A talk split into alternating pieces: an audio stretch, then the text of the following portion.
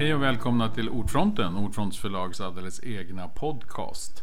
Jag heter Pelle Andersson och är förläggare här på Ordfront och idag ska vi träffa Mariette Glodek som har skrivit boken Världens viktigaste trädgård till naturens försvar. Hej Mariette! Hej Pelle! Ja, det här är ju en liten speciell trädgårdsbok. Det är ju inte en vanlig sån här, så här gör man, så här gräver man, så här fixar man. Utan det är lite annat.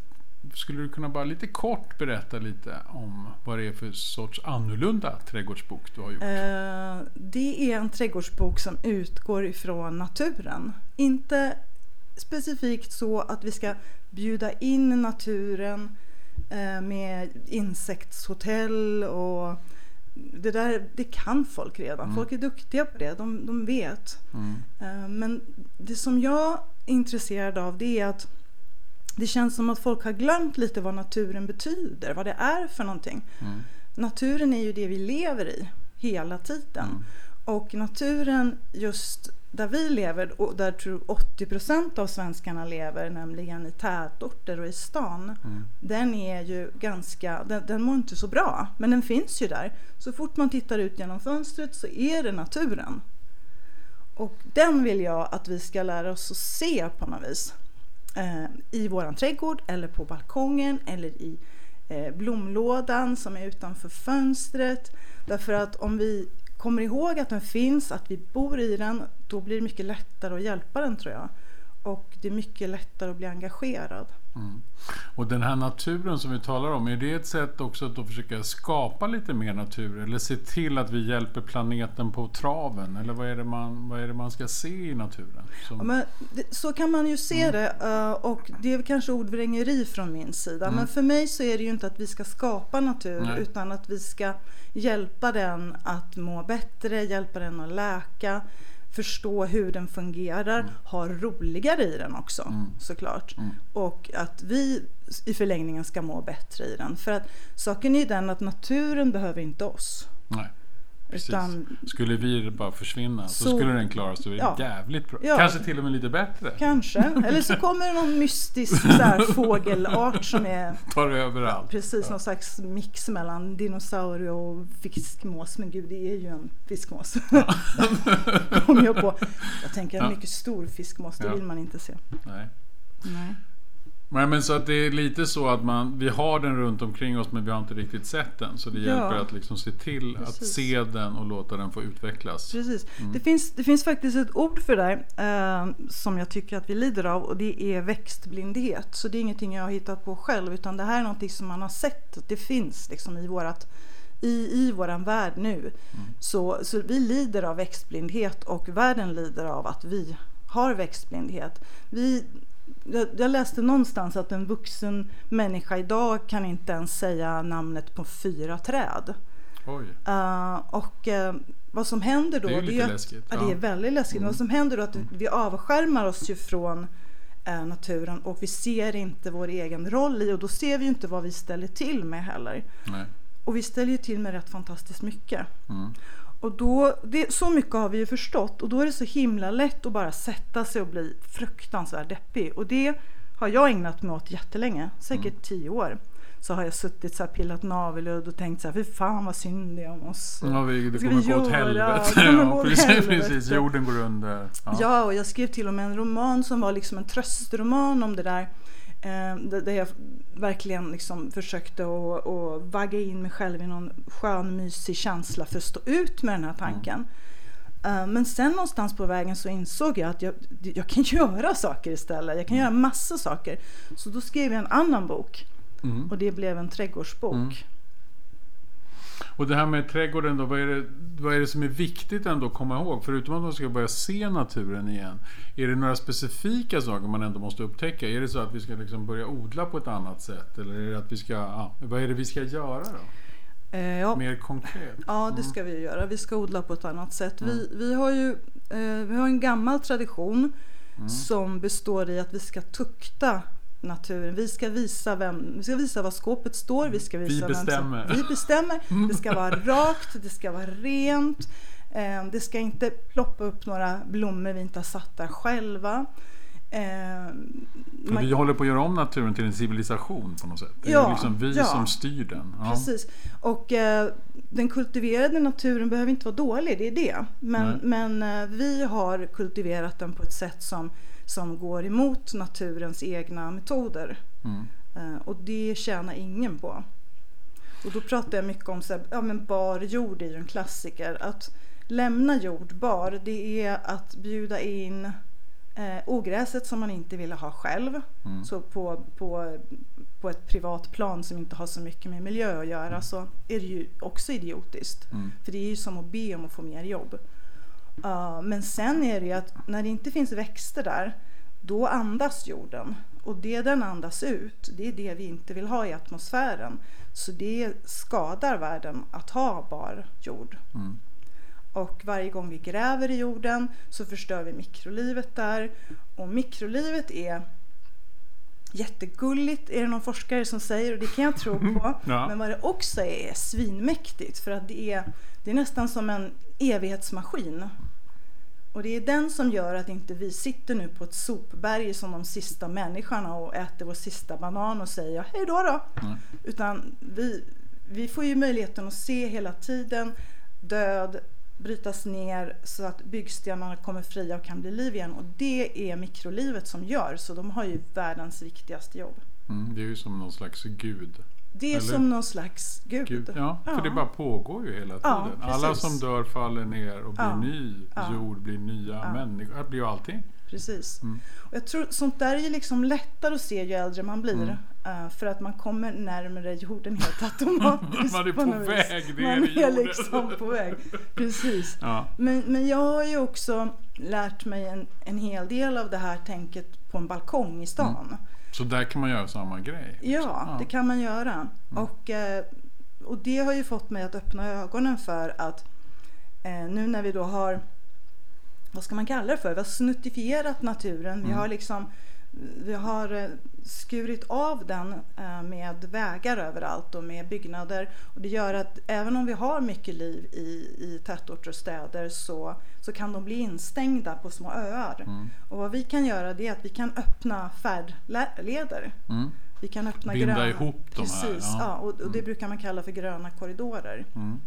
Och eh, det har vi möjlighet att göra Själva, nu? själva. Ja. Och det som är så sjukt det är så här, man tänker vad ska lilla jag göra? Mm. Och sen så, så, så är det alltid det där, ah, vad är det de brukar säga? Um, um, en kan inte göra allt men Mm. vad 17 är det? det, ja, men, det men en kan väl göra något? Ja, eller? precis. Det är ju klassiskt. Mm. Mm. Men det, det motsvarar inte alls vad vi kan göra för det, det är så himla ödmjukt för att Mm. vi kan göra skitmycket. Mm. Eh, om man tittar på en tätortsareal så, så ägs marken, alltså arealen, en tredjedel är eh, småhus med trädgårdar. Mm. En tredjedel. Det är helt Det, otroligt. ja, och, så att vad vi gör... Är det vi- så även globalt? Inte bara i Eh, Sverige? jag Nej, har- tror det. Nej, jag men det kanske, inte- jag har men det det. är säkert ganska mycket mark Ja, över om man, hela är, om, man jorden. är, som, om man Mm. är i tätorter och städer Mm. kanske Ja. i väster, som, i samhällen som påminner om Mm. våra. Men Mm. nej, jag ska inte säga någonting om resten. Vi Nej. har ju mycket Det jordbruks... finns många stora skogar också som och ägs ja, av. precis. Ja. Men, men så ser det ut Mm. i Sverige i alla fall. Och det betyder ju att, menar, Vad vi kan göra med vår vi egen kan... trädgård. Ja, om, om vi har en tredjedel av marken, då, då kan vi göra hur mycket som helst. Mm. Och då gäller det att inte kanske bygga altan över hela och bara ha gräsmatta. Eller? Du, du, du är på något där. Mm. jag bara jag undrar. Ja, jo, nej men om man nu har fått så här livgivande jord som jag just har suttit och hyllat så verkar det ju infernaliskt korkat att lägga ett stort trädäck på det för det är ju som att lägga ett lock på allt fantastiskt som kan hända. Och då vill jag räcka upp handen och det ser ingen nu utom du. Men Nej men jag ser att du räcker upp jag handen. räcker upp handen och säger jag är den första att synda. Jag har eh, gjort en jättestor altan. Jag med. Ja. För jag vill ju ha liksom, och det ska vara så här och det- ska vara rosévin och det ska vara en mysig stol och, och allt det där. Mm. Vi har Ehm. läst inredningsmagasinet. Ja, det, ja gud ja. Mm. Och eh, nu är det så. Vi, vi är människor, vi är ju djur som, som skapar miljön som vi vill ha. Eh, men sen har vi fått den här intelligensen också att vi kan se, okej, men vad behöver de andra då? Mm. Så, och det gör det ju möjligt för oss att faktiskt gå ut och reparera det där. Vi kan ju nästa gång vi bygger fundera på hur stort behöver det där däcket vara? Eh, vilket material ska det vara? Mm. Eh, kan, vi, kan vi välja material som är bättre? Kan vi släppa igenom regn? Alltså om man lägger sten till exempel. Kan man lägga stenarna längre ifrån varandra så vi inte får översvämningar? Kan växter växa mellan stenarna? Kan vi sätta stora, stora krukor där med sälj till vårens första humledrottningar? Mm. Ja, det kan vi nog göra. Och då plötsligen, då, då kan vi ju, då lånar vi en bit jord, okej, till våra trädäck, men vi kan också ge tillbaka lite. Och tittar man på hela sin plats i stort kan man ju ge bort en ängsbit kanske längst bort från huset. Mm. Det gör enormt stor skillnad. Eh, man kan tänka på varje gång man ska sätta någonting nytt. Är det här bra för fler än mig? Eh, och det är ganska lätt att göra rätt. Och hur mycket tänker man då på så att det ska både vara lite liksom gräs, lite blomma, lite träd, lite buske? Eh, Så här, kan man tänka att om jag, om jag börjar sätta olika saker, blir det bättre än om jag sätter mycket av samma? Mm. Eller? Ja. Om, om man eh, inte följer råden eh, hos uh, trädgårds... eh, alltså riktigt utbildat folk. Mm. eh, då, då kommer man ganska långt ofta. För att de, de vill ju gärna plantera estetiskt i stora sjok får man lära sig. Det ska vara samma, det ska, man ska repetera samma växt och allt det där och skapa en rytm. Och det är ju det som är trädgård, mycket av det. Mm. Och det kan man visst göra, men man kanske inte ska göra det på, på det här gamla sättet utan man kanske kan tänka sig att sjoken får bestå av flera typer av växter. Eh, ett sjok kan ju vara en äng till exempel. Precis. Mm. Eh, det kan ju vara en, eh, ja, en, som en äkta matta Mm. utav olika växter. Precis. Eh, och inte bara lavendel, även om det är skithäftigt med tusen plantor lavendel. Mm. För naturen vill inte ha det där. Nej. Naturen vill ha en blandning och det är ju för att då bygger man in resiliens i det här. Eh, därför att Som betyder? eh, motståndskraft eh, mot eh, till exempel sjukdomar eller att vädret eh, förändras. Därför att om man har samma växt då kommer samma skadedjur och hitta Mm. dit och det finns ingenting kvar då. Precis. Så det, är- det är inte ett så... Det är ett besvärligt sätt att skapa trädgård Mm. om man är för stilistisk. Man ska ha många olika saker. Många olika. Mm. Och lite som när man inreder hemma. Att Mm. man, man eh, lägger ju inte allt på golvet.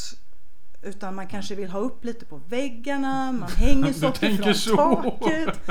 Jo, men alltså, Ja, så kan man absolut. gå ut Mm. och, och, och titta på sin trädgård också. Mm. För naturen, naturen bygger ju tak i form av träd där regn kan silas igenom som sen hamnar ibland buskar som sen hamnar ibland örter som sen hamnar ner i jorden. Och det där systemet har jobbats fram under väldigt många år och sen så kommer vi och säger ful jävla gran. Mm. Kör Den vi ner den. ha. Nej, vill vi inte ha. Kör ner den, lägger betongsten. Det blir snyggt och rent. Kanske någon liten springbrunn eller någonting. Eh, och sen så, så undrar vi varför blir det översvämning när det blir sådana här skyfall som Mm. vi har haft mycket av på sistone. Och det är ju för att vattnet, vattnets väg, vi har brutit vattnets väg. Mm. Eller snarare tvärtom. Vi har öppnat en autostrada för vattnet och bara dundrar ner. För det känns ju som att det du pratar om är väldigt mycket så här, gå ut och titta på naturen. Alltså som du sa från början, just det är bra tips. Att se hur naturen ser ut där ute. Alltså om man går ut i skogen och hittar en glänta, där hittar man en äng, man hittar en liten bäck, man hittar ett träd, man hittar buskar, alltså massor med olika blommor. Alltså det, är, det liksom, är det bra att imitera då nat- den vanliga naturen, eller den riktiga naturen? Så Ja. kan, även om jag inte vill skilja mellan riktig och låtsas här, för det var ju en poäng. Ja, som nej, men, nej, men absolut. Man kan lära sig Nej. därför att det här är ju ett system som Mm. har byggts under mycket längre tid än vi har skapat trädgårdar. Mm. Så man kan lära sig mycket. Men man kan lära sig mycket genom att bara lägga sig på mage hemma också. Mm. Eh, Man kan ju titta på det som finns runt omkring en. För där pågår livet hela tiden. Mm. Så till och med i en, gräsmatta till exempel, det är ju en sån där monokultur som jag sa inte var en toppen. Ja. Eh, Men till och med en monokultur som en gräsmatta har ju liv i sig. Och om man släpper upp det aldrig så lite så brukar det ofta visa sig att det finns jättemycket som bara har väntat på att komma upp. Mm. För jag menar, om man tittar i mät- våran gräsmatta på landet till exempel, det är ju Ja. mest mossa tycker jag. Ja. Mm. Men det är ändå mossa och gräs och en blomma. Ja. Och plötsligt så växer det upp lite maskrosor och gullvivor och så börjar man... Precis. Och maskrosor är en, en nektarkälla av Guds nåde. Det är en av de bästa som vi har.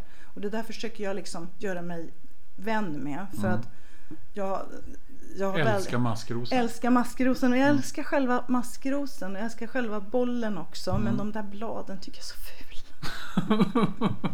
Du har kommit en bit på vägen. Ja, men, men jag vet ju vilket jobb de gör om man, Mm. om man liksom vågar låta dem vara kvar. Mm. Eh, samma med gullvivorna, de har vi ju lättare att Ja, de lämna. tycker vi är vackra. Ja. Alltså det där är ju samma sak som vi gör med djur. Ja, Söta ja, djur vill vi ju gosa med. Fula djur vill vi döda. Va? Ja, alltså om man vill leva länge i djurvärlden så ska man ha stora ögon och blank päls. Mm. Ja, precis. Och en, en vit mage tror jag Mm. vi gillar söta, fina saker. Ja, det gör vi. Det går igen då tyvärr i naturen. Ja. Mm. Men, Mm. jag, men jag tror att, att någonting som, om man, om man liksom öppnar upp tanken för att ja, men okej, jag ska titta på det här, vad är det som händer? Då börjar de underligaste saker bli söta, har jag Mm. upptäckt.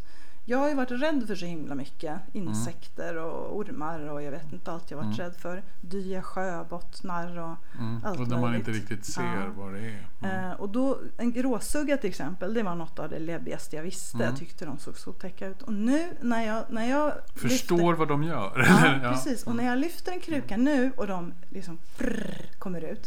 Då tittar jag på dem och åh, vad gulliga, kolla på de små benen.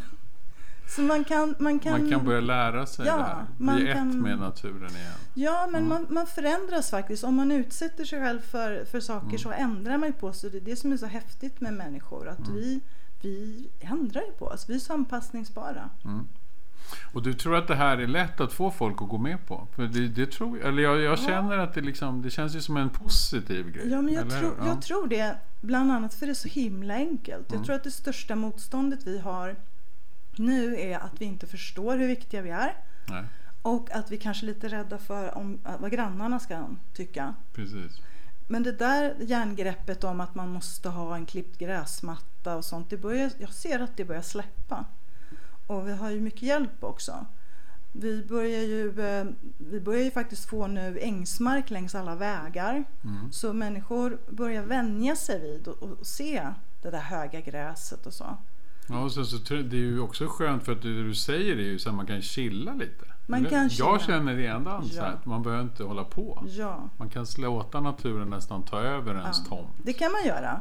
Eh, det kan man absolut göra. Men om man tycker att det är kul med trädgård Mm. så kan man ju vara där och jobba hur mycket som helst. Och hjälpa på traven. Och, och ändå Mm. vara med naturen och ändå kunna dela på sin Mm. trädgård eller sin balkong eller sin kruka. Mm. Man kan, det är väl det jag tänker att man, man behöver inte se så själviskt på sin möjlighet till livgivande jord utan Nej. vi kan använda den väldigt många. Mm. Ehm, för, för livet, även djurlivet, lever ju i lager och vi är ju väldigt högt upp. Ja. Så vi glömmer ju ofta de Vi där står och stampar högst upp. Vi står och stampar högst upp ja. Mm. Och lägger dessutom betongplattor Och lägger plattor på. Precis. Jättetaskigt. Ja. Ja. Nej men alltså det finns några superenkla knep Mm. om, man vill, om man vill förändra. Ja. Så att till exempel när man, om man ska köpa flera blommor. Eh, köp sådana som, som är enkla. Som till exempel en prästkrage. Mm. Den har ju inte jättemycket froschiga ehm, Den är inte så komplicerad. Den är, nej. nej. så den kommer insekterna åt. Mm. Så det är en viktig blomma. Medan en eh, tusenbladsros för insekterna inte är en viktig blomma. Därför är också maskrosen bra då. Den är också Ja, öppen. den, den är enkel öppen. och- Ja, mm. precis. Och eh, det är så de vill ha det. De vill ha gula, vita eh, och lila blommor, blå blommor ofta, insekterna. Eh, och det beror på att de, de, är, de har utbildat sig efter vår fauna. I andra länder så kan röda blommor vara väldigt Jaha, stora. men det här var ett svenskt tips. Ja, precis. Ja. För att till exempel, det finns jättemycket exotiska röda blommor. Gula och blå blommor i Sverige. Gula och blå blommor. Vem har någonsin hört något så dumt? Nej men, nej, men eh, de där röda blommorna. Mm. Fjärilar gillar röda blommor och kolibrier gillar röda blommor. Men vi har ju inga kolibrier. Nej, precis. Så att om du köper en röd blomma, men det är väl kul att ha det Mm. för dig. Men då kan man ju tänka, okej vad, vad ska de andra få då? De kan väl också få något? precis. Ja. Och så här kan man tänka Mm. steg för steg Mm, igenom. Och det får man ju hjälp med i din Ja. bok. Så att. Ja, Men jag tänkte en annan sak som är väldigt viktig i boken. Det är ju de här fantastiska bilderna. Ja, ja, ja, ja, ja. Det är ju helt otroligt. Alltså, Då Ja. Mm. får man ju också syn på det här som du sa från början. Det är ju som att de här bilderna säger så här, titta, här är den, Ja. naturen. Ja, Jonathans bilder är helt underbara. Mm. Eh, och det har varit jättefint att få jobba med honom. Eh, han, han är jätteung tycker jag. Mm. Eh, Tycker jag också. eh, jag kan inte räkna riktigt ut hur stor åldersskillnad det är. Det var en ynnest att få jobba med honom. Eh, för han har, han har jobbat med det här så länge nämligen. Han har haft den här blicken mycket längre. Att det finns natur i staden. Mm. Det är någonting som, har, som jag har jag har liksom hittat det undan för undan för undan. Det har tagit mig många fler år. Mm. Och då under den tiden då har han varit där ute redan och hittat den och fotat den. Mm. Och eh, jag ville ju göra en annorlunda trädgårdsbok och inte jobba med någon duktig trädgårdsfotograf. Nej, för, precis. för jag är inte ute efter att visa en estetisk rabattkomposition eller eh, inspirera i hur man eh, gör vackra saker. Nej. För det, det finns jättemånga sådana böcker och jag läser dem alla. Jag Mm. älskar sånt. Mm. Men det var inte det jag tyckte jag skulle berätta. Eh, och han har verkligen hjälpt mig att sätta fingret på, på det jag tycker är häftigast i en trädgård. Mm. Och det är det naturen har gjort. Fast jag har varit där. Precis. Nej, men det, är, det är helt otroliga bilder. Man blir helt fascinerad. Mm. För man, också som just det där att man får syn på någonting som man ser varje dag. Och så plötsligt blir det uppenbarat för en. Mm. Man har liksom bara avfär, alltså Det är som att blicken inte ser det fast man ser det varje dag. Och så Ja. lyckas han plocka fram det och sätta upp det på näthinnan och säga Titta här, du har ju Mm. sett naturen. Du har bara blundat här en stund. Ja.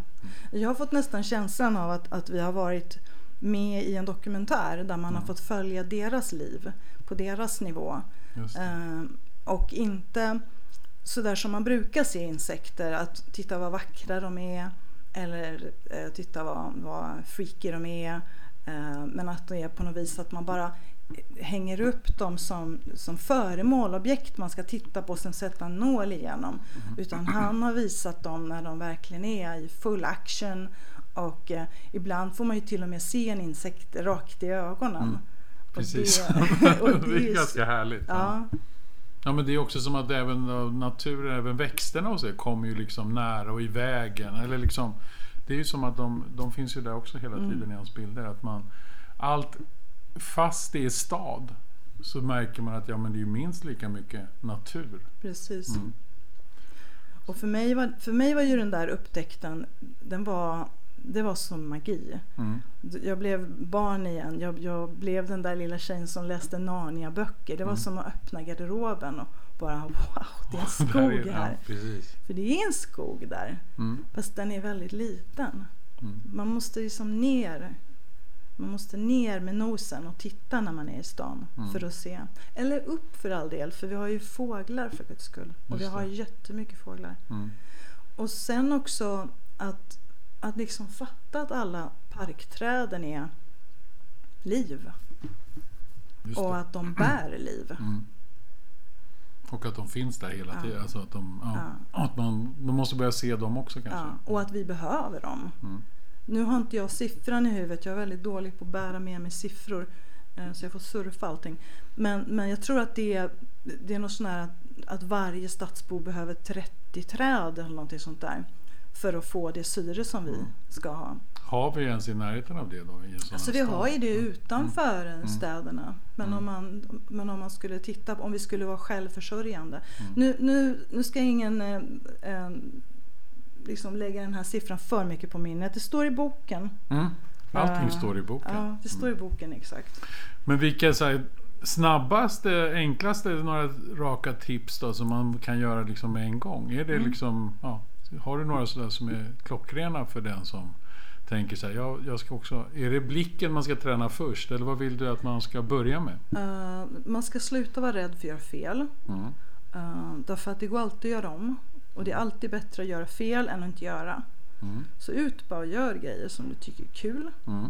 Så kommer du lära dig så småningom. För det finns sjukt mycket duktiga människor där ute som förr eller senare kommer läxa upp en. Även du kanske kan läxa upp här. Och även, Ja. och även med, om man tycker om att, läsa på själv så finns det också så himla mycket att, att lära sig. Men eh, ja, börja med att, när, gräset börjar växa Mm. nu, börja med att låta det växa sig längre än vad det gjorde tidigare. Låt, Det- släpp ja, upp det så att, så att det blir lite vit klöver i gräsmattan. Så att det kommer lite tusen Så vi stjärnor. ser lite blommor där i. Ja, allt det där som Mm. farfar sa att det inte skulle vara. Mm. Ehm, för det, det ska det. Mm. Så man ska se klöver och Ja, man en, får titta på bl- gullvivorna och maskrosorna och Ja. allt det där. Och att det ska få växa upp. Ja. Mm. En blomgräsmatta helt Mm. enkelt. Ehm, och sen eh, kan man ju börja att skapa äng, för ängsmark behöver vi mycket av. Mm. Och, eh, det Hur skapar ju, man en äng då? Ja. Släpper man bara allting fritt eller ska Ja. man gå där och så den? Ja och nej. Och nej och ja. Mm. Mm. Jo, det beror på vad, du börjar med såklart. Mm. Eh, om du börjar med en, en eh, gammal eh, naturtomt, då är det bara att släppa upp gräs. Mm. Låt den vara. Ja. För då, då har ju naturen hela sin fröreserv där och, som bara väntar. Mm. Men då ska man veta att det kanske tar en fyra år för vissa ängsplantor eh, och Hur håller man sen en äng vid liv? Går man och slår den med lie? Ja, eller? Man, ja, en äng vill ha det magert. En äng vill ha precis tvärsom mot eh, vad, en, vad de flesta rabatter i en trädgård vill ha. Mm. Så på det viset så är det ju också bra för, Mm. för miljön. Mm. Eh, eftersom man inte liksom fläskar upp det och matar det. Utan Nej. tvärtom. Man gör, man gör marken mager. Man tar bort det. Man, man, måste, eh, man måste slå ängen Mm. en gång om året och ta bort allt Det räcker material. med en gång om året också. Ja, det räcker låter med en gång om året. Ja, när den är där är det supersoft.